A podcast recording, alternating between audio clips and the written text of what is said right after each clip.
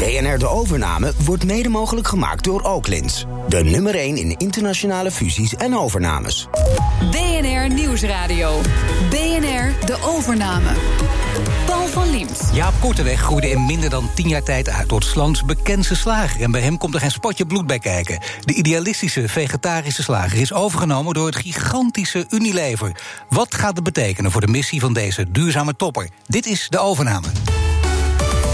Als je een top 10 zou maken van de meest eh, interessante bedrijven, hadden zich er wel vijf van gemeld. Maar we hebben ervoor gekozen om dus daar niet heel veel tijd en geld in te stoppen in het overnametraject. Unilever stond ook gewoon bovenaan bij ons. Wat we sterk hebben meegewogen is dat het snelst groeien, daar waren we van overtuigd dat konden we met Unilever. Het meeste geld maken waarschijnlijk eh, via een andere route. Als we in tien jaar tijd vervijfvoudigen, dan ben ik niet tevreden. Nee, dus je moet vertienvoudigen. Minstens 20. Misschien is het zo, als een bedrijf het niet uit idealisme doet... is dat misschien nog wel een betere garantie voor succes. Want blijkbaar zien ze er dan echt business in. Welkom, Jaap Korteweg. De overname is een feit, eh, Jaap Korteweg. Want sinds dit jaar ben je niet meer de vegetarische slager. Ik zeg het een beetje ook hè, op een hele officiële manier. Want het is natuurlijk wel een moment ook natuurlijk. Hoe voelt het? Prima. Ik ben Prima. er erg, eh, erg content mee, ja. Erg content mee. Het klinkt alsof je blij bent dat je er vanaf bent. Nou, ik ben heel blij met deze nieuwe fase. Ja, dit is wat ik eh, van het begin af aan gehoopt had. Dat dit, eh, dat dit zou gebeuren. En eh wat is gewoon een teken dat het, ja, dat het maar, heel veel potentie heeft. Het Wat je van het begin af aan gehoopt had, of ook van het begin af aan verwacht had? Mm, nou, ik eh, gehoopt. Want ik, toen ik begon, toen gaf ik mezelf 10% kans verslagen. Ehm, Onderschatten en vergeten mensen vaak. Ik ben het ook vergeten, want eh, je, je klinkt altijd heel zelfverzekerd vanaf het begin af aan. Maar je hebt inderdaad feitelijk steeds geroepen in het begin: 10% kans van slagen. Hele kleine kans dus. Ja, maar ik zei dat misschien nou wel heel zelfverzekerd... dat ik mezelf 10% kans verslagen gaf. En misschien dat dan de, de toon toch de doorslag geeft... dat weet ik ook niet precies. Maar in ieder geval, het is wel zo, ja. ja. Ja, hoe komt het dat het toch gelukt is? In relatief korte tijd zelf? Ja, ik denk dat ik het eh, geluk heb gehad dat. eh, ik, ben- natuurlijk begonnen met het idee van. eh, we zouden direct van de bonen en de granen die we nu aan de kip en de varkens voeren. in deze tijd van eh, kennis en technologie. zouden dat dier moeten kunnen vervangen. Dus dat we dat, die kip, die, die bonen en die granen voeren aan een proces. waar vlees uitkomt. En, en dat simpele, abstracte idee had ik in mijn hoofd. En. Ja, dus ik ben ermee aan de slag gegaan. En ik heb gelukkig de goede mensen gevonden die er ook echt verstand van hebben. Want dat heb ik natuurlijk niet. Nee, maar het is in relatief korte tijd allemaal gebeurd. hè. Het kan ook een Ja. proces van 30 jaar zijn. Het is, het is veel sneller allemaal gegaan. Ja. En mijn gast van vorige week, Remco Vos, dat is een serieondernemer in de logistiek. Die weet hoe het voelt om je bedrijf te verkopen. Want dat is dan eh, de fase die snel heeft toegeslagen bij jou. Ja. Ik wil beginnen met een vraag die hij jou stelde. Allereerst complimenten natuurlijk voor deze mooie stap. Want eh, als je je bedrijf kunt verkopen aan zo'n mooi bedrijf, dat is natuurlijk echt eh, een compliment waard. Eh, ik heb zelf meegemaakt na de overname dat ik in een gat viel omdat die van mij niet gepland was. Het ziet eruit dat die van hem wel gepland was. Dus ik ben benieuwd wat gaat hij doen na zijn overname. Heeft hij daar al over nagedacht? En was dat niet ook een belangrijk onderdeel van het proces zelf? Nou, je krijgt de complimenten dus van Remco Vos. En je valt in een, eh, denkt hij, gepland zwart gat. Klopt dat of niet? Ja, geen zwart gat, denk ik. Eh, Nee. wel ge- nou, gepland. Eh, Nou ja. het, het, het feit. Dat dat overkomt het, je niet. Nee, maar goed, het, het, het, het feit dat die overname gelukt is, dat is pas heel recent bekend. Dus we waren natuurlijk in gesprek. En eh, nou ja, pas eind december is eh, duidelijk geworden dat het ook echt tot een deal is gekomen. Dat had natuurlijk ook eh, anders kunnen lopen.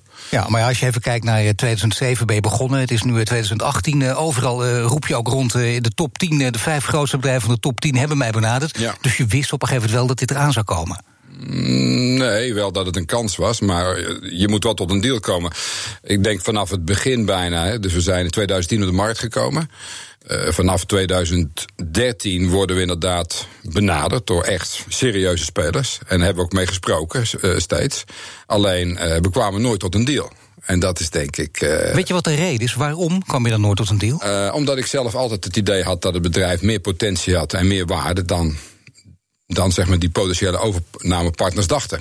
Dus het ging echt altijd uiteindelijk om de bedragen voordat je een handtekening kon zetten. Ja, bedragen. En bedragen zeggen natuurlijk heel veel over de, ja, hoe serieus ze het nemen en wat ze er ook in gaan investeren. Dus het, dat hangt met elkaar samen. Dus nu gaat het om een serieus bedrag. En de IRG-analisten die weten dat. Want jij zegt het niet, maar de IRG-analisten weten het gewoon 30 miljoen. ja, ja. En dat is het dus.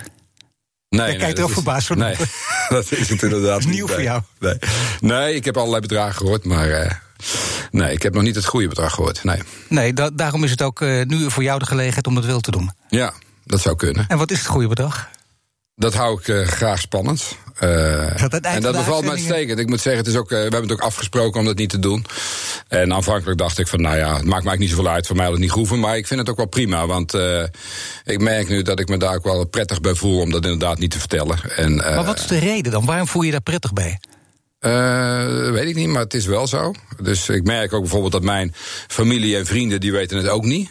Vragen er ook niet naar. Vind ik ook prettig, moet ik zeggen. Ja, zijn hele bescheiden, dus aardige mensen natuurlijk. Ja, blijkbaar. Maar al die journalisten van die zeikers, die willen precies weten.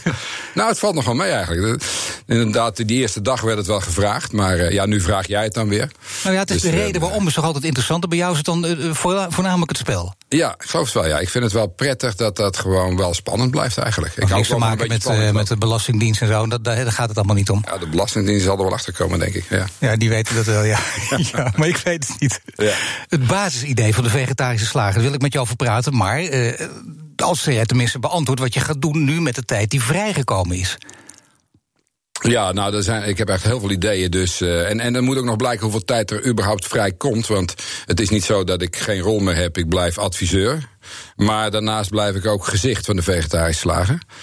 Uh, wat inhoudt dat ik uh, interviews doe, het, verhaal vertel en ook blijf vertellen. En ik had het ook al behoorlijk druk mee. Als ik kijk, er is natuurlijk heel veel belangstelling ook internationaal van journalisten, maar ook om het verhaal te vertellen van groepen mensen, ondernemers uh, andere, andere geïnteresseerden. En uh, daar had ik het al behoorlijk druk mee. En dat, is alleen, dat wordt nu alleen nog maar drukker. Misschien maar als ik, als ik, in werkweken mag, als ik het in werkweken mag uitdrukken, is het dan uh, een werkweek van misschien 70 uur die nu naar, naar 40 uur gaat? Wordt het zoiets? Of denk je dat je het even druk blijft houden? Mm, ja, dat vind ik moeilijk, want dat weet ik ook niet zo goed. Hè? Want dat is natuurlijk moeilijk te voorspellen wat er nou gaat gebeuren eigenlijk. Dus dat is voor mij ook een, een vraag. En ook wat, nou ja, wat, wat, wat, wat wil ik ook doen? Ik zeg ook niet overal, overal ja tegen. Dus eerlijk gezegd heb ik daar nog niet zo goed beeld van. Maar, maar wel vastgelegd, zo op bit vastgelegd, dat je het, het, gezicht blijft van de vegetarische slager. En dat jij de enige bent die namens de vegetarische slager naar buiten treedt. Mm, nee, niet op die manier. Maar zeg maar, Unilever vond het belangrijk dat ik in ieder geval vijf jaar getekend heb om het gezicht te blijven. En ik mag dat verder behoorlijk vrij invullen. Het is niet zo dat ik zoveel uur per week moet werken of zo. Of dat zij zeggen, je moet dat en dat doen. Zo werkt het niet. Dat ben nee, ik wel, ze gaan niet uh, over op je vingers meken. Nou, als je nee. flink bedrag betaalt, dan wil je toch... Dan, wie, wie betaalt, ja, bepaalt uh, natuurlijk. Ja, maar dat heb ik toch zo afgesproken dat ik niks moet. Oh, dat heb je wel zo ja. wit vastlaten. Je ja. moet niks. Dat is wel lekker ook. Nee. Waar was je bang voor dan? nou ja, dat ik wat moet. Weet je wel. Ik, heb, ja, nee, daar niet ik ben altijd vrij geweest. Ik heb, uh, ik heb eigenlijk nooit, uh, ja, no nooit voor anderen gewerkt. Ja, scholier heb ik uh, scholierenbaantjes gehad. Dat was heel nuttig. maar daarna eigenlijk niet meer, nadat ik van school gekomen ben. Een eigenwijs type.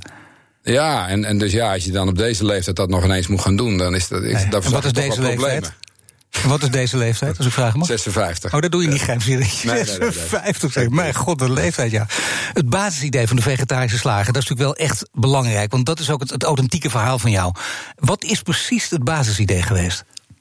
Nou, het basisidee is geweest om dier uit de keten te halen van de vleesproductie. Dus dat we uh, gewoon heerlijke vleesproducten kunnen produceren... waar vleesliefhebbers waar je vleesliefhebbers voor de gek kunt houden... Uh, waar ze blij van worden, zonder dat je er dieren voor nodig hebt. Ja, maar het belangrijke. eigenlijk is dat ook gelijk een beetje een doorkijkje naar. Stel nou dat ik tijd krijg naar, naar wat, ik zou, wat ik hierna zou kunnen gaan doen dat is eigenlijk, ik heb het in presentaties ook al genoemd, dat, dat zou zijn om, om melk te produceren, grasmelk, hè, dus die we gewend zijn van de koe, ja. zonder dat je daar een koe voor nodig hebt. Zo de veganistische melkboer. Ja, dus dat je een machine bouwt die eigenlijk een koe nabootst, waar je, die je voert met gras en waar dan grasmelk uitkomt. Ja, ik even te kijken of je lacht, want dat deed mensen in het begin ook. Hè. De vegetarische slager lag weg en dat kan allemaal niet lukken, maar dit is ook serieus. Hè? De ja. veganistische melkboer, zo is het al ergens genoemd, maar dat, is, dat, dat idee is het ook. Klopt, en ik gaf me met de vegetarische slager 10% kans met dit idee geef ik mezelf 1% kans dus. maar met evenveel zelfvertrouwen. Dus dat, nou ja, uh, precies. Het zou heel bijzonder zijn. Want dat is uh, buitengewoon complex. Maar het, nou ja, ik ga het in ieder geval verkennen. Als ik Waarom slaat het zo goed aan, de vegetarische slagen? Um, ik denk omdat uh, mensen hebben allemaal wel in hun achterhoofd dat het natuurlijk niet fijn is. Die manier waarop we die dieren houden. De, alle nadelen van vlees voor onze gezondheid, voor het klimaat, duurzaamheid. He, er zijn eigenlijk allerlei rationele argumenten tegen vlees. Alleen, we zijn tegelijkertijd verslaafd aan vlees. En dat, dat wist ik uit eigen ervaring. Ja. Dus mensen willen helemaal niet Want nadenken. jij was gek op vlees of ben je nog steeds nou, nog gek steeds. op vlees? Alleen, ik eet nu het nieuwe vlees, het plantaardige vlees. Maar ik ben nog steeds gek op vlees. Ja. En ehm, nou ja, op het moment dat daar dan zicht op komt, dat, dat, dat je mensen afhelpt van hun angst voor een leven zonder vlees. Dat je gewoon heerlijk vlees kan blijven eten zonder, zonder de nadelen van de productie met dieren. Ja, dan is dat gewoon heel goed nieuws. Maar nu na de overname door Unilever ga je mikken op een echt hele grote markt. En niet de niche-markt van 2, 3 procent, die ook al heel mooi is, maar het moet veel groter. Ja. We hebben de retailprofessor Kitty Koelemeijer en die zegt altijd... de P van prijs is voor de consumenten uiteindelijk, als het op aankomt, leidend. Ja. Hoe kun je toch de massa verleiden jouw producten te kopen? Ja, inderdaad, prijs is een belangrijk ding. En in, essentie is ons product ook concurrerend. Maar inderdaad, het is nu 3%. En daardoor heb je allerlei logistieke nadelen, productienadelen. Daarom is het nu nog duur. Maar wat we nu zien, de samenwerking met grote vleespartijen. Zoals bijvoorbeeld de samenwerking met Mora. We hebben samen met Mora zijn we een paar jaar bezig geweest om de, de, de, de, ve- de vegetarische draadjesvleeskroket eh, te ontwikkelen. En bitterbal. En ook de kipcorn. En die doet het heel goed. Die komt nu in, eh, in februari op de markt. En eh, voor dezelfde prijs als de vleesvariant. Ja, dat is echt heel belangrijk. Dezelfde Ja. prijs, dat betekent dat mensen het om die reden niet meer laten. En niet denken, ja, wacht even, als we voor het schap staan, het is te goedkoop. Ja. Het andere product is goedkoper, het is namelijk even duur. Ja. je het kopen. Geldt dat straks ook voor, voor de kip en voor andere producten die je wil gaan maken? Ja, ik verwacht zelf dat we in tien jaar tijd toe zouden kunnen groeien van 3 nu naar 20% van de, van, de van de vleesmarkt. Zo. En op dat moment zijn we concurrerend. We hebben nog steeds een schaalnadeel. Hè? Dan is nog 80% vlees, 20% het nieuwe vlees, het plantaardige vlees.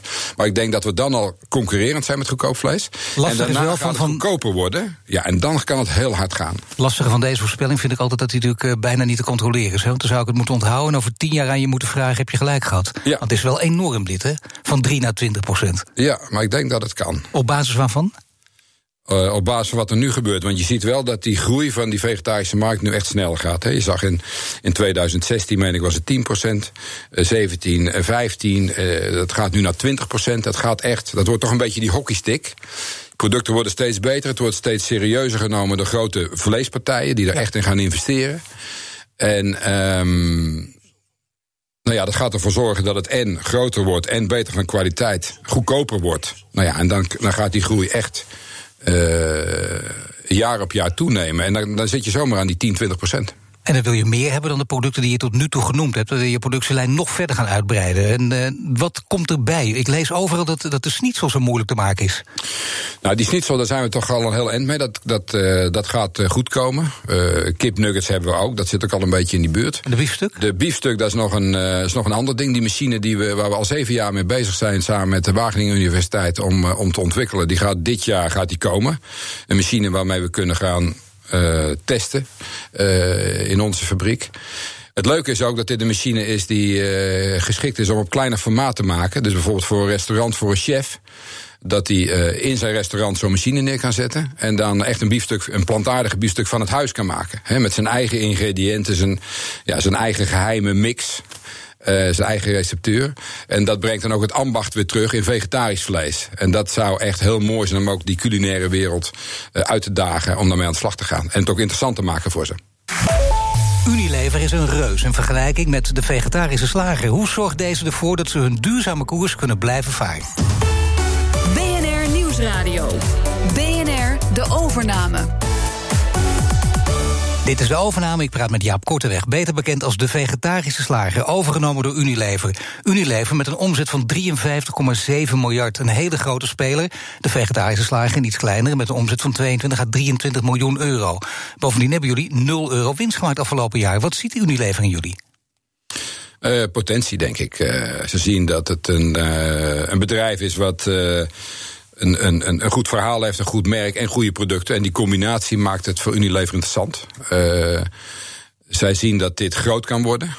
En, ehm, en zijn op tijd ingestapt. Ik denk dat het. eh, ik, ik snap het in ieder geval heel goed. En met groot zijde. gaat het om dezelfde getallen die je in deel 1 van dit interview noemde. Zij denken ook dat je binnen 10 jaar echt eh, nou ja, kunt, bijna kunt vervijf of verzesvoudigen. Ja, zeker. Ik, ik vind dat nog vrij pessimistisch. Ja. Ja, nou ja, goed. ja. Nee, jij bent een hele optimistische man. Ik, Ik- weet het. als we in tien jaar tijd vervijfvoudigen, dan ben ik niet tevreden. Nee, dus je moet vertienvoudigen. Minstens 20. en dat, dat 20 weet. Unilever ook, dat, dat, dat moet ook wel. En Ja. dat zit er ook in. Ja, ja, ja. Hoe lang hebben die onderhandelingen geduurd? Want je zegt al, er hebben veel partijen aan de deur geklopt. Hoe lang heeft het geduurd voordat Unilever overstag ging... en met een mooi bedrag voor jou eh, tevoorschijn kwam? Ehm, ik heb het nou niet precies in mijn hoofd, maar ze hebben ons in februari van dit jaar voor het eerst benaderd. Dus dat is dan bij elkaar zo'n zo'n tien maanden. Maar goed, dat is natuurlijk in het begin gaat dat heel erg kabbel de kabbel. En eigenlijk pas in de laatste maanden is dat in een stroomversnelling gekomen. Um, en uiteindelijk de, ja, op het moment dat je zegt van ja, er ligt een goede basis tot, tot het afronden van de transactie. Dat is, dat is, behoorlijk, dat is eigenlijk bijzonder snel gegaan. Uh, onwaarschijnlijk snel, want dat is in een tijdsbestek van een week of vijf gebeurd, wat eigenlijk uh, bijna niet kan. Maar de onderhandelaar van Unilever die ging trouwen, dat is in Pakistan. Ja. En die zei: Ik wil het voor mijn huwelijk geregeld hebben, en dat is gelukt. Ja. Dus dat, uh, en dat vond ik een heel mooi streven. Dat past, dat past mij ook goed. En nou ja, ik van twee kanten werd er gezegd: ja, onwaarschijnlijk, dat gaat niet lukken. Maar dat is, uh, ja. Ja, dat klinkt een beetje als haaswerk gewoon, omdat hij eigenlijk een dubbele agenda had. Dat huwelijk is zo belangrijk, ja. dat is nog belangrijker dan deze overname. Nou, zou kunnen, maar ik was er blij mee. Want ik, ik hou er wel van dat daar gewoon vaart in zit. En nou ja, dat je gewoon even doorpakt dan ook. In nou ja, omdat je dus al heel vaak hebt meegemaakt dat, dat, dat je niet genoeg geboden kreeg. Dus de prijs is in ieder geval hoog genoeg om te weten dat ze je serieus nemen. Daar gaat het om. Ja, het is de combinatie van. Het is niet zo, denk ik, dat we de hoogste prijs gekregen hebben per se. Nee, dus maar rond de 40 miljoen zit je dan wel. Uh, ja, daar heb ik al gezegd, hè, daar zeg ik niks Nee, over. nee, goed, je weet nooit.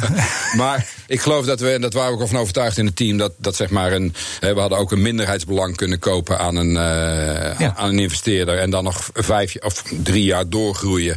Nou ja, dan was het bedrijf misschien wel drie keer zoveel waard geworden. Dat hebben we ons ook gerealiseerd. Alleen wat we uh, sterk hebben meegewogen is dat het snelst groeien. Daar waren we van overtuigd, dat konden we met Unilever. Hè, dus. Uh, het, het, meeste geld maken waarschijnlijk uh, via een andere route. Is het ook de beste partij als het gaat om idealisme? Want je bent ideal, als een idealist ben je gestart. Ja. Je was al financieel onafhankelijk. Voor het geld hoeft het niet. Dat maakt het verhaal eigenlijk nog geloofwaardiger. Ja. Je wilde het echt om idealistische redenen doen. Is, is dan Unilever de beste partij?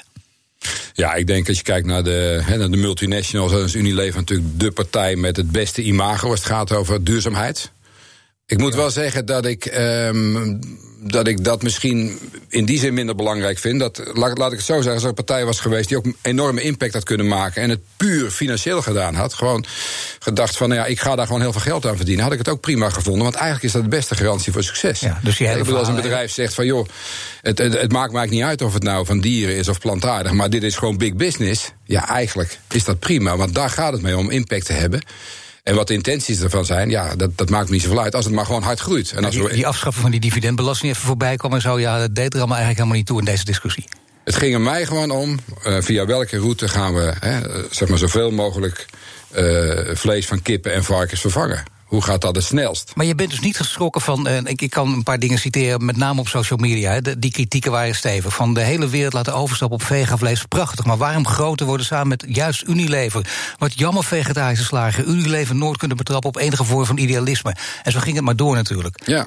heb je allemaal gelezen? Ja, maar het moet ook, het, het, eigenlijk maakt dat. Ja, het is een beetje een herhaling. Maar misschien is het zo, als een bedrijf het niet uit idealisme doet is dat misschien nog wel een betere garantie voor succes. Want blijkbaar zien ze er dan echt business in. Kijk, vanuit mij is het in ieder geval te doen geweest om impact te hebben. Hè, om zoveel mogelijk kippen en varkens levens te vervangen door, door gewoon uh, een plantaardig vlees. En, nou ja, de grote uh, aanjager van duurzaamheid bij Unilever, uh, CEO Paul Polman, die vertrekt. Betekent dat dan iets voor de vegetarische slager? Of staat dit er ook helemaal los van? Omdat je alles gewoon heel goed op papier hebt gezet? Nee, we hebben alles niet heel goed op papier gezet. In die zin, ik geloof er ook niet zozeer in. Ik, uh, ik bedoel, we hebben natuurlijk gekeken wat Unilever gedaan heeft. Unilever heeft heel veel bedrijven gekocht in het verleden met, uh, met zo'n soort missie zoals wij hebben. Ben Jerry is natuurlijk een heel bekende, ja. maar er zijn er veel meer, ook op het gebied van van thee, van... er is een ketchupbedrijf, een biologisch ketchupbedrijf in Amerika, uh, Sir Kensington. En zo zijn er heel veel, ze hebben heel veel bedrijven gekocht. Wat je daarover leest en ziet is dat die... die, die, die die oprichters die zijn daar vaak content mee, dus ook achter, uh, terugkijkend. Uh, en dat gaf voor ons natuurlijk een hele goede garantie dat dat dus in goede handen is bij Unilever. Dus je hebt ook niet getwijfeld aan bijvoorbeeld een agressieve overnemer als Kraft Heinz, die er flink op gejaagd heeft natuurlijk. Want als dat gebeurt, ja, dan kan natuurlijk ook uh, jullie propositie veranderen. Of blijft dit gewoon staan, dit voorstel? Dit blijft uh, gewoon staan. En, uh, en ik denk ook, wat, wat er veranderd is, dat merken wij ook aan de samenwerking met uh, grote vleesbedrijven. En het feit dat grote vleesbedrijven wereldwijd investeren nu in plantaardig vlees, is dat het zeg maar echt nu serieus genomen wordt als business ook. En misschien is dat wel de beste garantie. Dat het gewoon ook gezien wordt van ja, hier kun je ook gewoon geld mee verdienen. Want uiteindelijk is dat, uh, dus bedrijven die winstgedreven zijn. Als je die positie bereikt hebt, ja, weet je, dan gaat het altijd goed of je nou idealen hebt of niet. Ik begrijp het. En je kunt verder niet alles zwart op wit vastleggen, dat snap ik ook. Maar je bent wel een kleine speler met een grote speler. En dan gaat Ja. het uh, in, in, in, bij overnames, ja, dan wint vaak toch de grote speler. Vooral Ja. achteraf. Want die hebben veel betere advocaten en die hebben een legertje opgezet. Ja, maar daarom hebben dat dus allemaal niet zo helemaal vast. Hadden jullie wel goede. Wat, wat, natuurlijk had je goede, maar wat voor adviseurs had je dan voor je overname? Gewoon zelf gedaan, op gevoel. Uh, nee, we hebben natuurlijk een, uh, Nee. een goede jurist daarbij uh, betrokken en, en, en een onderhandelaar. Uh, en uh, met die mensen hebben we. Die hebben we trouwens pas in een heel laat stadium erbij betrokken. En. Um, en dat is ook, dus ook snel gegaan. Het is een korte, korte deal geweest. Hè. We hebben van tevoren ook wel met andere partijen gesproken. En um, uh, nou ja, dan krijg je aanbiedingen van, uh, van partijen die zeggen: wij gaan helemaal voor jullie de markt verkennen. En we gaan kijken wie er allemaal interesse heeft en zo. Hè. Dat, en dan gaan we heel breed uh, zoeken. Ja. Maar wij hadden zelf eigenlijk al heel veel voorwerk gedaan. Dus we hadden eigenlijk al gekozen voor. Voor, om eigenlijk toch min of meer selectief met Unilever te gaan praten. En niet te veel tijd te verspillen in heel breed kijken. Nee, want dan zou je nog weer twee jaar verder zijn. Zoveel ja. tijd gaat er vaak ook overheen. Onderschatten mensen ook weer vaak. Hè? Ja. Je haast is geboden, want je denkt, je wilt zelf ook tijdens je, uh, je leven gewoon nog meemaken. Dat de ja. hele wereld uh, aan dit vlees gaat. Ja, maar goed, we hadden wel echt. Ik bedoel, het is ook wel zo, dat is natuurlijk een keuze die je maakt. We hebben ook wel gezegd van uh, toen Unilever ons benaderd heeft, we gaan gewoon echt met hun praten. En um, we hebben eigenlijk daarvoor nog met één andere partij gepraat. Dat was dan de optie om een minderheidsaandeel te verkopen. En dat was het. En welke partij was dat? Uh, ja, dat zeg ik ook niet. Uh. Dat heb ik, uh, ja, dat heb ik ook. nou ja, goed, weet je, dat, dat, dat had gekund. Maar dat, dat zou ik eerst met ze moeten overleggen. Of, of ze dat willen. Dus. Um, maar de, he, dus inderdaad, we hadden, als je een top 10 zou maken van de meest interessante bedrijven, hadden zich er wel vijf van gemeld. Die zaten we in een luxe positie. Um, maar we hebben ervoor gekozen om dus daar niet heel veel tijd en geld in te stoppen in het overnametraject. Maar echt te zeggen, ja, Unilever stond ook gewoon op bovenaan bij ons. Het is natuurlijk een Nederlands bedrijf, het is een multinational. Ze hebben natuurlijk een kantoor in Rotterdam. Maar dat is natuurlijk voor ons ook gewoon fijn. Dat dat, dat, dat gewoon dicht bij huis is, dat je gewoon de, de cultuur begrijpt, dat je met die mensen gewoon goed kan praten. En je zegt ook, en dat is een belangrijke, je kijkt eens naar alle andere merken. Meest is het overspringend inderdaad Ben Jerry's. Dat is ook een langdurige uh, verbindenis geweest Ja. en is het nog steeds. Ja. En die naam is ook behouden gebleven. Dat geldt dus ook voor de vegetarische slager sowieso de komende vijf jaar. Jij blijft het boegbeeld. Zat er ook nog iets in van hoe dan ook dat die naam sowieso niet veranderd kan worden? Nee, nee, nee, nee, nee, dat inderdaad. Maar goed, dat is, eh, misschien, dat is uh, nou, misschien ook een beetje mijn ondernemende aard, dat weet ik niet zo goed. Maar ik ben niet zo van het uh, over mijn graf heen regeren en het van het vastleggen. Kijk, het zou ontzettend dom zijn natuurlijk. Dus dat gaan ze natuurlijk helemaal Nee. niet doen, die naam veranderen. Want Ja. dat is juist waar ze ook voor betaald hebben. Ja, maar het gekke is, jij hebt zelf die naam niet bedacht. Dat dacht ik altijd, maar dat is Ja. niet zo. Las ik ook weer terug in stukken. Het is gewoon, een- door anderen is die naam bedacht. eh, want jij had een heel andere naam in je hoofd. Je had de naam Fake in je hoofd. Nou, we hadden eigenlijk, eh, dus mijn compagnon eh, Nico, we hadden alle twee Nico een andere naam. Ja, we hadden alle twee een andere naam in gedachten. Dus hij had een naam in gedachten en ik wilde het fake noemen. En daar waren we het helemaal niet over eens. En, ehm, maar Nico had bedacht voor de winkel, onze winkel, om die de vegetarische slager te noemen. En eh, toen heb ik eigenlijk voorgesteld van, joh, laten we die dan als een soort compromis, laten we dan de vegetarische slager als merknaam gebruiken. En daar, was, daar waren we het eigenlijk direct over eens. Dat viel gelijk goed. Dus zo is dat gegaan. Het leuke is dan, dat vind ik altijd mooi, dat heel veel mensen die eh, heel veel wijsneuzen gaan zich mee bemoeien, die zeggen dat kan nooit en die namen, dat is onmogelijk, dat is een contradictio in terminus, daar houden mensen niet van. Ja. Die hebben allemaal lelijk op de neus gekeken. Ja, klopt. Hoe sluit je daarvoor af, voor dat soort kritieken? Um, ja, dat is dan toch een soort. Ja, ik denk dat dat dan toch in, in jezelf iets, iets van uh, vertrouwen is of zo. Ja, de, ik bedoel, ja, daar ben ik nooit zo gevoelig voor geweest, denk ik. Voor, Ben je wel gevoelig ging het voor- voor- slecht, denk ik, met mij. Oh, dat, ook, dat ging, ging ook nog slecht met je. Nou, daarna Ja. ging het goed. Hoe Ja. blijf je nu met, eh, met je beide benen op de grond staan? Want ik bedoel, het is natuurlijk een waanzinnig succesverhaal. Ja. Als grote partijen steeds aan je blijven trekken. En uiteindelijk een hele grote, mooie partij je koopt. Ja. Ja, ik denk dat dat wel lukt. In ieder geval, ik, ik zeg het ook wel hoor, om me heen van eh, let goed op, hè, weet je wel. Want ik bedoel, dus natuurlijk, eh, dat, dat, eh, dat is belangrijk dat je niet naar je schoenen gaat lopen. Maar ehm, kijk, wat voor mij in ieder geval heel duidelijk is, is dat ik dit 100% te danken heb aan, aan het hele team. Wat, eh, ja, en dat is toch ook een enorme geluksfactor dat je gewoon de juiste mensen vindt op het goede moment. Mensen die ook vertrouwen hadden in jou, ondanks dat je uitsprak 10% kans. Ja. Zo denk je ook mensen te vinden voor de veganistische melkboer, terwijl je zegt 1% kans. kans, ja, en Daar het- wil toch niemand mee in zee met iemand die zegt: Mijn bedrijf heeft een kans van slagen van 1%. Ja, maar dat, eh, je krijgt nu een soort omgekeerde eh, situatie dat mensen me omgekeerd niet geloven. Hè? Dus als ik zeg ik geef mezelf 1% kans, geloven ze het niet. En eh, dus eh, er hebben zich al inderdaad een aantal mensen eh, gemeld die, die denken daar verstand van En die hebben. kun je wel noemen volgens mij. Die mensen? Ja. Nee. Ook al niet. Nee, dat is nog een beetje vroeg. Ik bedoel, dat is nog zo in een eh, beginstadium. Maar serieuze Maar nee, maar ik bedoel, ik ga dat nu verkennen wat de mogelijkheden zijn. En ik zeg eigenlijk, het is echt eh, heel erg ingewikkeld en moeilijk. En, maar op het moment dat dat iets begint te worden, dan, dan kom ik terug om daarover te vertellen. Ja, zeker. Niet over tien jaar, maar eerder. Oké. Ik dank je voor dit gesprek. En dit was de overname deel 3. Het programma over de meest spannende, opzienbarendste, leuke en belangrijke overnames. De uitzending is terug te luisteren via bnr.nl slash overname, de BNR-app... of stream ons via iTunes of Spotify. BNR De Overname wordt mede mogelijk gemaakt door Oaklins. De nummer 1 in internationale fusies en overnames.